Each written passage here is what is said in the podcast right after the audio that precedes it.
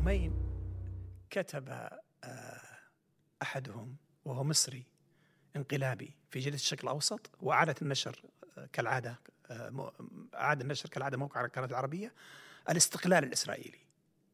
يعني كتب النكبة الفلسطينية والاستقلال الإسرائيلي كذا العنوان. ف وفي داخل تحت في في, نص ال- المقال يتكلم عن عن ال الإنجازات التي حققتها إسرائيل طوال 74 عاما. إنجازات أنا هذه ما سمعتها كلمة إنجازات إلا في عام 1987 من واحد آه، اسمه آه، توم بروكاو. كان ال- ال- المذيع الكبير كبير مذيعي قناة NBC. وكان يتكلم عن آه كان يتكلم عن 40 سنة من ميلاد إسرائيل. أذكرها 40 سنة كان. 40 والله مي ب 40 لا لا لا. كانت 20 سنة. لا لا أكثر أكثر. لا 50 سنة في ال 98 كانوا. لا لا 40 40 في 87 والله. اظن 40 أو 88 أنا متأكد. تمام. وقال قال آه كذا بابتسامة لأنه طبعا لازم يقول هالكلام. آه 40 سنة of achievements كان يتكلم عن كذا. هذه هذه ترجمتها الآن في في الرياض. وفي وانجازات القاهرة 40 وفي سنه القاهرة. هو شوف هو طبعا يعني هي هو آه، بس قيام قيام دولة إسرائيل هو على حطام فلسطين. حوطه فلسطين. يعني إيش طبيعي؟ يعني. أنا أنا بس وليه عملوا النكبة هم؟ أنا أريد بس أكمل المقدمة البسيطة هذه. فنحن الآن في مرحلة تاريخية عجيبة. نحن الآن في السنة هذه 74 عام مضى 74 عاما على النكبة يعني بدء النكبة الحقيقية ولا قبلها أصلا كان في نكبات يعني من من أواخر القرن ال- ال- التاسع عشر يعني ف في هذه في هذه المناسبة آه، اختلطت الأمور، اختلفت عن عن الذكريات أو عن المناسبات السابقة التي مرت بها النكبة. نحن الآن في مرحلة الكيان الصهيوني يعيش فيها آه، مخاض عسير. آه، أحلامه وأوهامه تتعرض لكثير من الضغوط. وهو يعيش مرحلة خوف ومرحلة آه، إعادة مراجعة. وفي الوقت نفسه آه، هناك احتفالات بالتطبيع مع دول لم تفعل شيئا ل- لا لم تعطيه أمانا ولم تعطيه شرعية. وهذه الجدر وهذه الأسوار وهذه ال checkpoints نقاط التفتيش وكل هذه والقبب الحديدية وكل هذه والأسلحة النووية كلها لم تجعل هذا ال- الشخص الإسرائيلي في الكيان الصهيوني يشعر بالأمان. بل هناك هجرة معاكسة. نحن في آه، فترة تاريخية مهمة جدا ثم نقطة مهمة جدا. الفلسطيني على الأرض صامد صمود عجيب ومؤمن إيمان عجيب وهذا لا يمكن أن يهزم ولا يمكن أن يتأثر و و وكل الأحداث تزيده صمودا يعني لم ينكسر.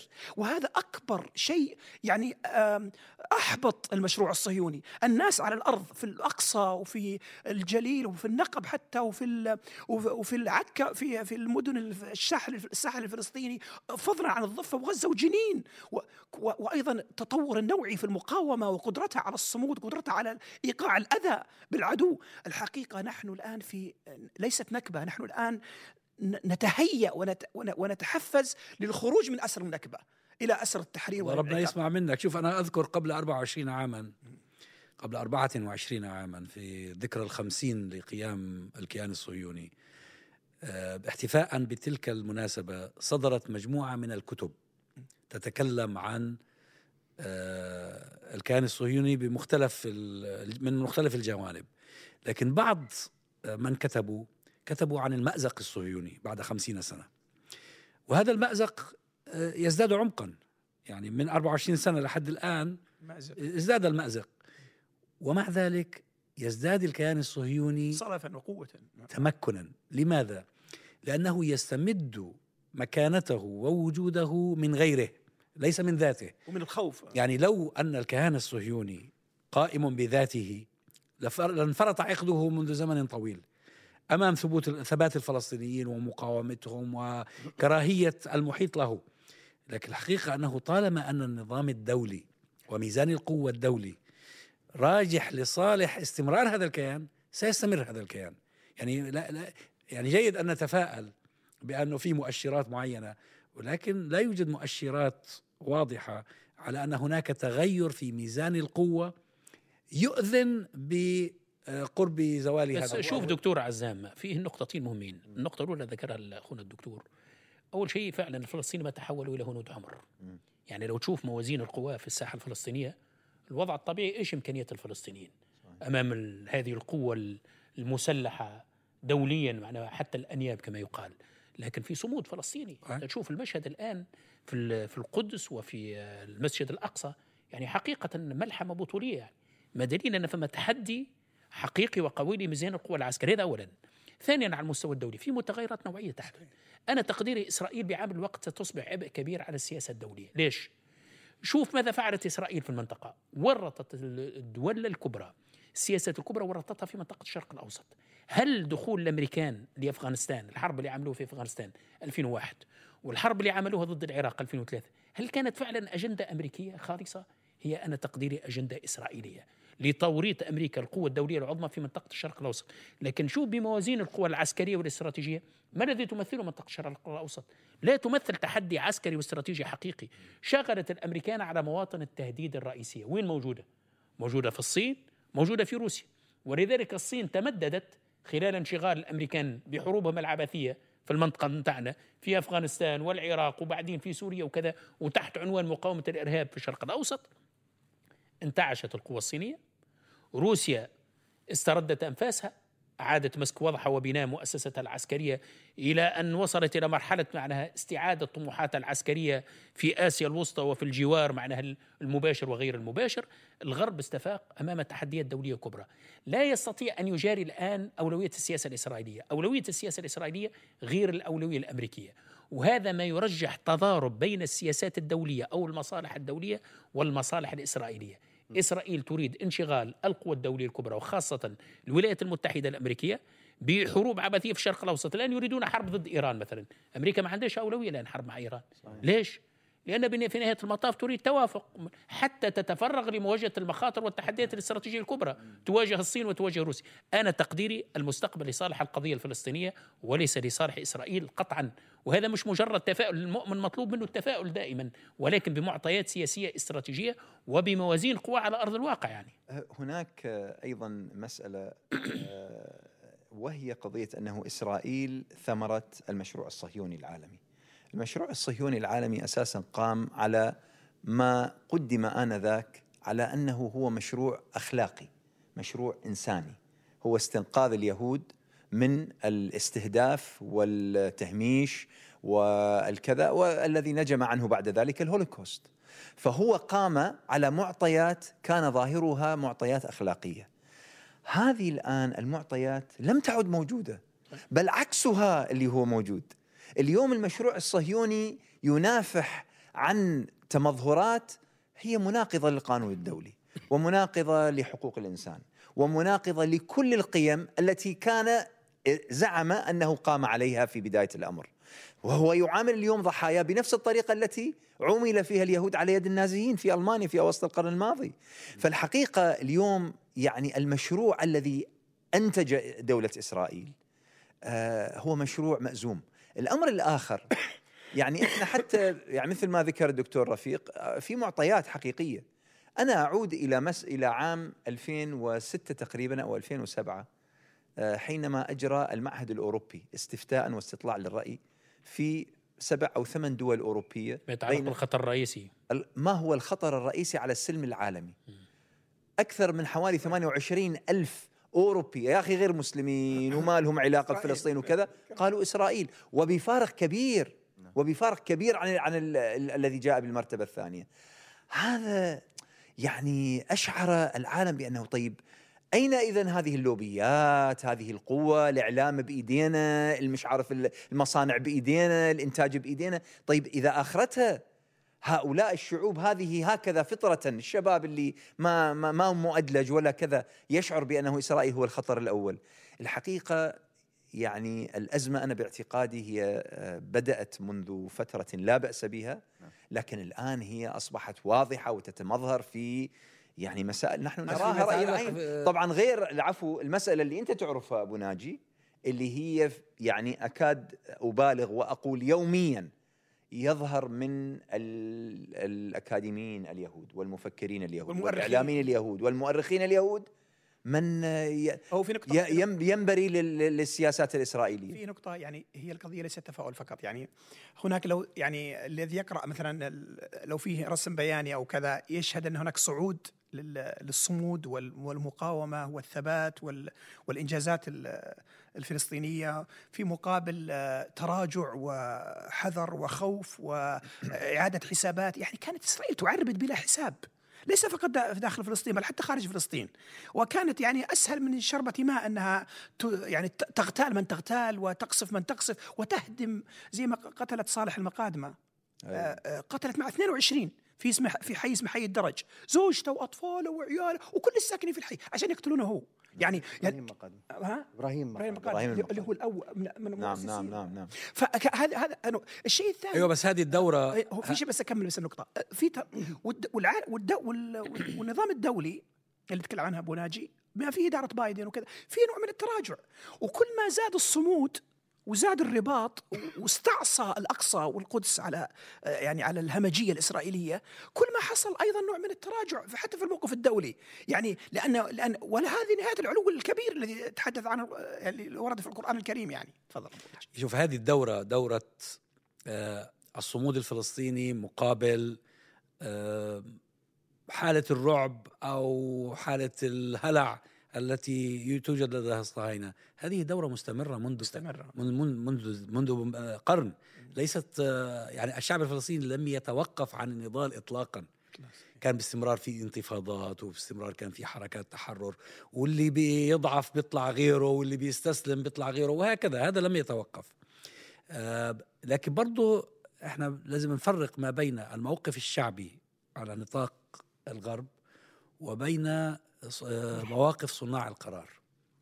الموقف الشعبي لو استفتي الناس في الغرب أنا لدي يقين بأنهم سيصوتون بالأغلبية لصالح ليس فقط نصرة الشعب الفلسطيني وإنما حتى إزالة هذا الكيان نعم. الغاصب.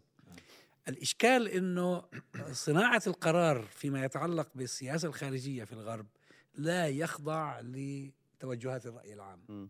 إلا نادرا لا يخضع.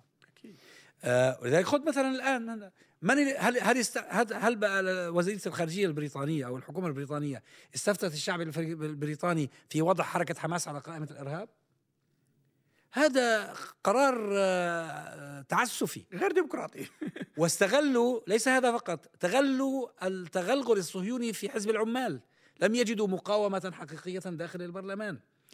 آلية صناعة القرار في الغرب ما زالت محسومة لصالح الكيان الصهيوني لصالح المشروع الصهيوني. بس هذه مسألة بس, بس, وقت. بس فيها تراجع. صحيح صحيح أنا معك طبعاً. لأن ليش هذا؟ لا سامحني في النقطة هذه. لا تقديري مثلا مسألة الوقت. في تغير في المزاج الشعبي على المستوى الدولي لأن ما كانش. قبل 20 سنة يعني تقريبا كان في نوع من الانسجام والتقارب في الحد الأدنى خلينا نقول. ما فيش مسافة كبيرة بين ما يجري في الشارع الرأي العام وفي السياسات الرسمية. لأنه تأثير اللوبيات وتأثير وسائل الإعلام ومراكز الدراسات وكذا أثرت على الوعي الجمعي في العواصم الأوروبية والع- والولايات المتحدة الأمريكية. لأن الوضع صار يختلف. مع انتشار ال social media صار ومع ما يشوفوه على أرض الواقع معنا في فلسطين من مظالم في تغير في المزاج الشعبي العام. وبل أكثر من ذلك حتى في أوساط النخبة المثقفين والكتاب والأدباء وقدر أيضا من من الكونغرس- الصحفيين. الكونغرس. ولذلك تقديري مسألة مسألة وقت. السياسات الرسمية لا تستطيع أن تصمد في مواجهة رأي عام خاصة الرأي العام الغربي ليس فقط مجرد مزاج شعبي عام بل صارت فيه حركات نشيطة حركات منظمة قوى مجتمع مدني قوى تحررية كلها تدين السياسات الرسمية. يضاف إلى ذلك المعطى الاستراتيجي اللي ذكرناه سابقا أيضا هذا سيجعل الانحياز لإسرائيل عبء على المصالح الغربية مش فقط مسألة بتاع قناعات أو مسألة أخلاقية.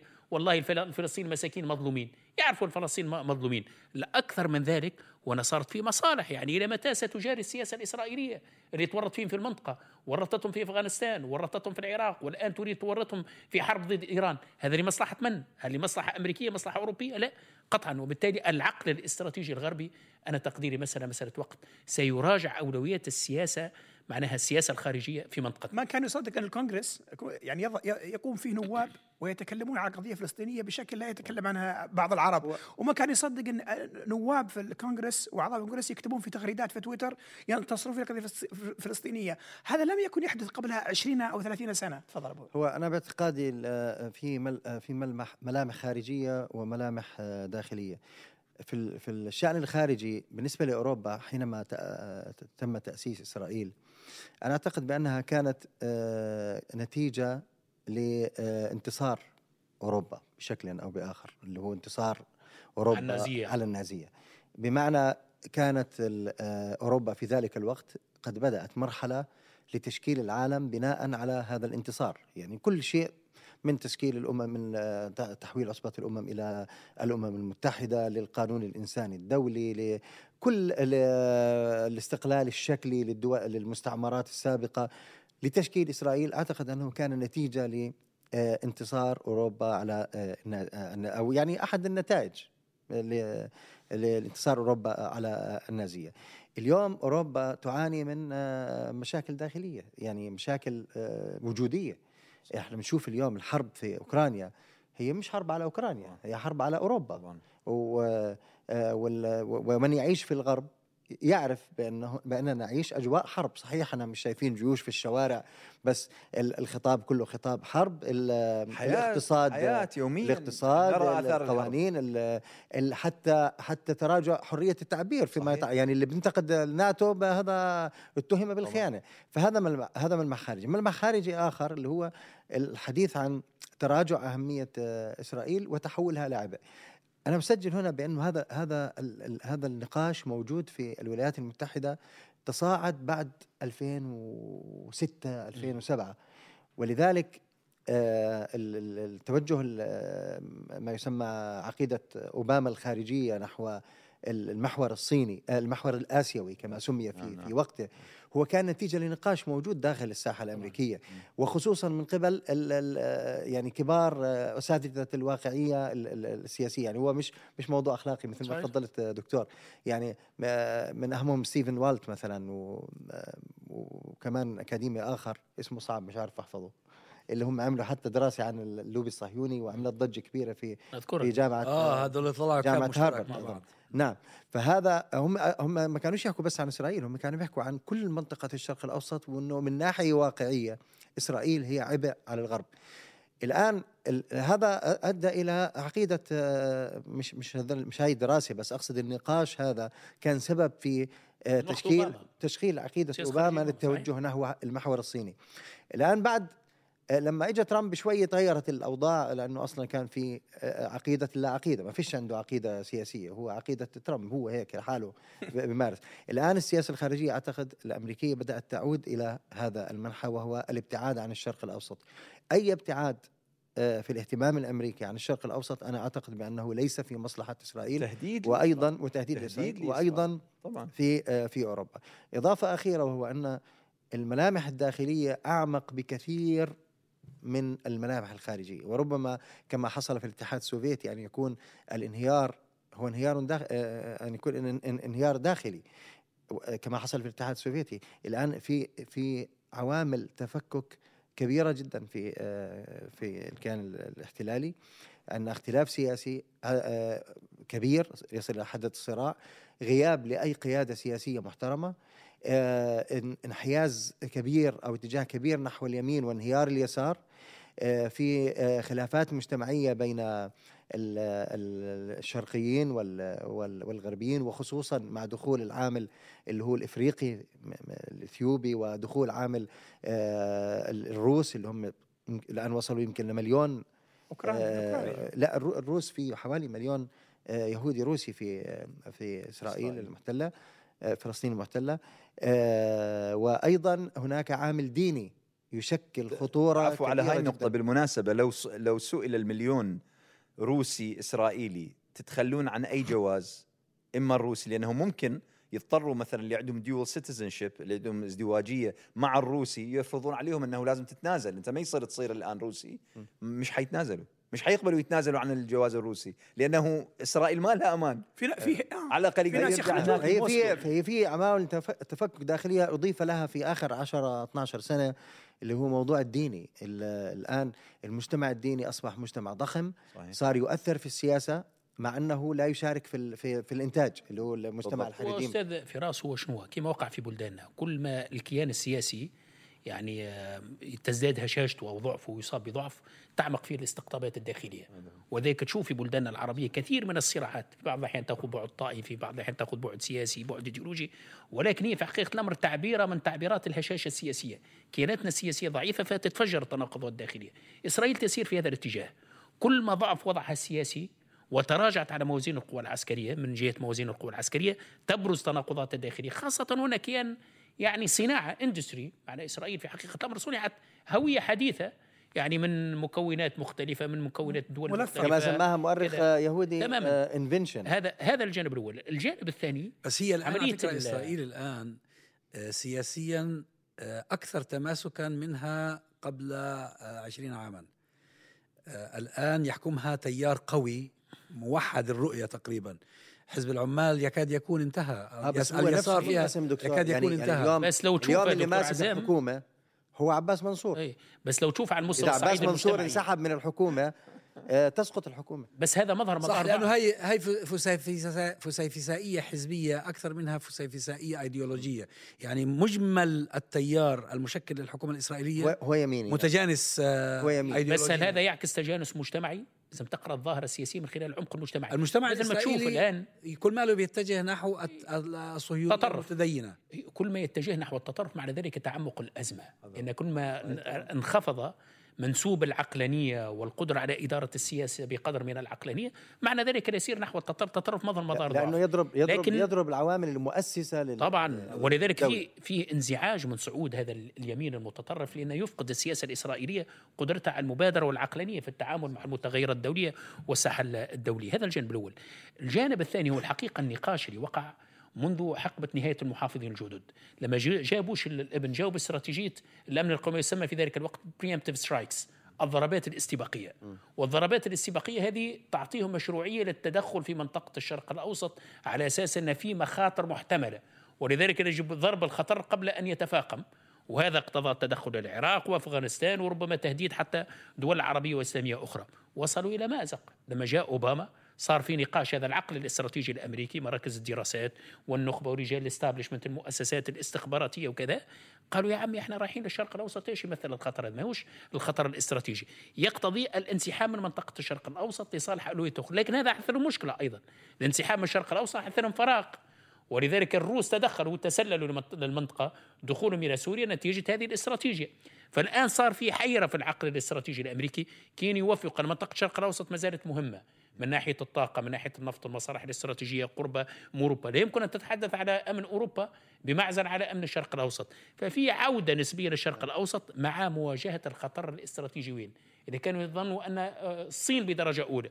لكن ظهر لهم أيضا خطر آخر الصين آه، روسيا الآن اللي تهدد الأمن الأوروبي. فعلا لأول مرة الآن حرب عبارة في قلب أوروبا منذ الحرب بالمناسبه الثانية. بالمناسبة دكتور إسرائيل الآن آه، بين قوسين تلعب مع الولايات المتحدة من خلال علاقتها مع روسيا أو مع آه، الصين يعني في تصاعد في العلاقات الإسرائيلية مع الصين وروسيا. آه، هذا الأمر آه، يعني لا يعتبر مقبولا في الاستراتيجية الأمريكية. ولذلك بعد بعد بداية الحرب في أوكرانيا كان الموقف الإسرائيلي مترددا. صار ضغط مباشر عليهم حتى يأخذوا موقف آه، آه، منحاز تماما للموقف الأمريكي وبعدها تغير الخطاب الإسرائيلي بمزاعم أخلاقية. صحيح. قالوا إحنا هذا هو الموقف الأخلاقي لكن هو ليس موقف- موقفا اخلاقيا ولا شيء. صار عليهم ضغط من من من واشنطن. في آه، في تصريح آه، ملفت قبل يومين لرئيسة الاستخبارات ال- المخابرات الأمريكية آه، تقول بأننا نلاحظ ونتابع بع- آه، بتعمق آه، الاختراقات التي تحقق- تحققها الصين مع حلفائنا طبعا شو شو هي الاختراقات التي تحققت مع حلفاء آه، إسرائيل أمريكا؟ والإمارات ودول إسرائيل. والإمارات والسعودية.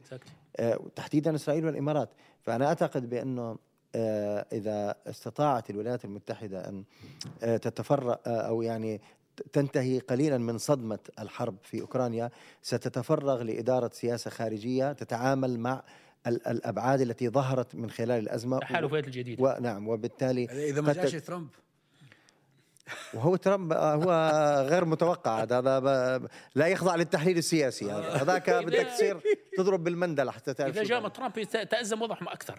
لأن ترامب تعبير على ضعف السياسة الخارجية. وكل حال التدافع هذا كله مفيد يعني لا شك إنه وعودا وعودا إلى الميدان نفسه. يعني الخطر اليومي ل- لدولة إسرائيل للكيان الحقيقة هو صمود الشعب الفلسطيني تمام يعني وال وال والتعويل الذي كان عام 48 على لسان جولدا مائير وعلى كان بأنه يعني سيأتي زمن وينسون نعم. آه، سينسى. الكبار يموتون والصغار ينسون كبار خلاص راح. ينسون اليوم. ذاك اليوم المظاهرة ما شاء الله بنتك يعني تبارك الله عمرها 12 سنة طلعت قدام الآلاف من الناس في وسط لندن وتتكلم بلسان يمكن آه، جدها صحيح. آه، الله الله يرحمه يعني ما كان يتكلم به فقصدي إنه هذه المسألة التي كان يعول عليها الصهاينة.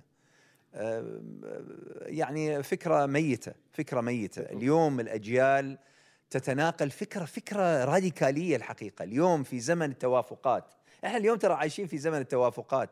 أنه negotiation التفاوض أنك تنطي وتاخذ compromise في زمن التوافقات اليوم الفلسطينيون في كل أنحاء العالم ممن لم يرى فلسطين ممن يعني الآن أصبح من الجيل الثالث المهاجر اللاجئ أصبح يتكلم براديكالية كاملة تحرير صحيح. من البحر إلى النهر ما نتنازل عن شبر. يعني يتكلم في مفاهيم الحقيقة هذه لا تدرس في الجامعات والاكاديميه هو حتى معطى الديموغرافيا أيضا مهم لأن موازين القوى تشكل مجموعة معطيات.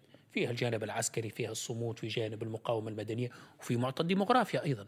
الآن فلسطين لما تشوف يعني أول شيء إسرائيل محاطة ببحر عربي وإسلامي من حولها مهما يكون مهما كانت قوتها يعني هذه قوة مسلحة هائلة يعني في نهاية المطاف لا تستطيع أن تقفز على معطيات الجغرافيا السياسية. والشعوب هذه كلها إذا اتفقت على شيء واحد تماما. يا سيدي العزيز على جزء. من من أهم الملامح ال- ال- التي تشكل خطورة على إسرائيل باعتقادي هي فلسطيني الداخل، فلسطيني المحتلة عام 1948 الان كم يا عددهم أستاذ؟ لا، آه، الان كم عددهم الآن؟ عددهم أظن أظن يصل إلى مليونين.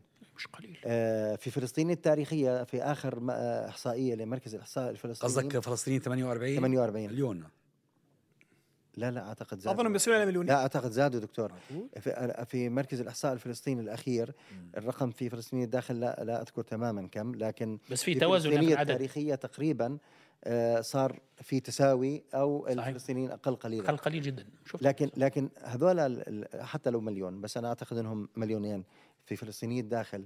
هذول أخطر على إسرائيل من كل فلسطيني طبعاً. العالم. طبعا. ولذلك الآن في خطاب إسرائيلي في الفترة ال- ال- الماضية متشدد جدا خصوصا منذ رمضان هذا الماضي آه، ضد فلسطيني الداخل. لأنه آه، إسرائيل أدركت بانه محاولات الاسرله ولا أقول التهويد فقط الاسرله لهؤلاء الناس فشلت بعد 74 عاما. أنا أعتقد بأنه أهم انتصار للفلسطيني اليوم ها- هؤلاء مئات الآلاف أو الملايين الموجودين في الداخل لا يزال معظمهم اليوم يعتبر نفسه فلسطينيا ولهذا اللي حصل في رمضان قبل الماضي من رفع العلم الفلسطيني في اللد من تحرير مناطق في اللد لتحرير معنوي لمدة.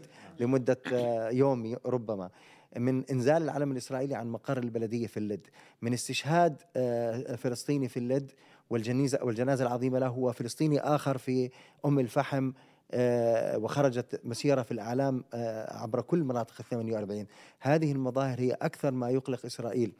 ولهذا في في في الحرب السابقة رمضان اللي هي سيف القدس ال- الجيش الإسرائيلي بعد ثلاث أيام كان يفكر حسب آه، صحيفة آه، هارتس في ذلك الوقت أن يوقف الحرب على غزة، يعني هو بلش الحرب على غزة وزير الحرب قال لهم نحن آه، لدينا حرب أهم.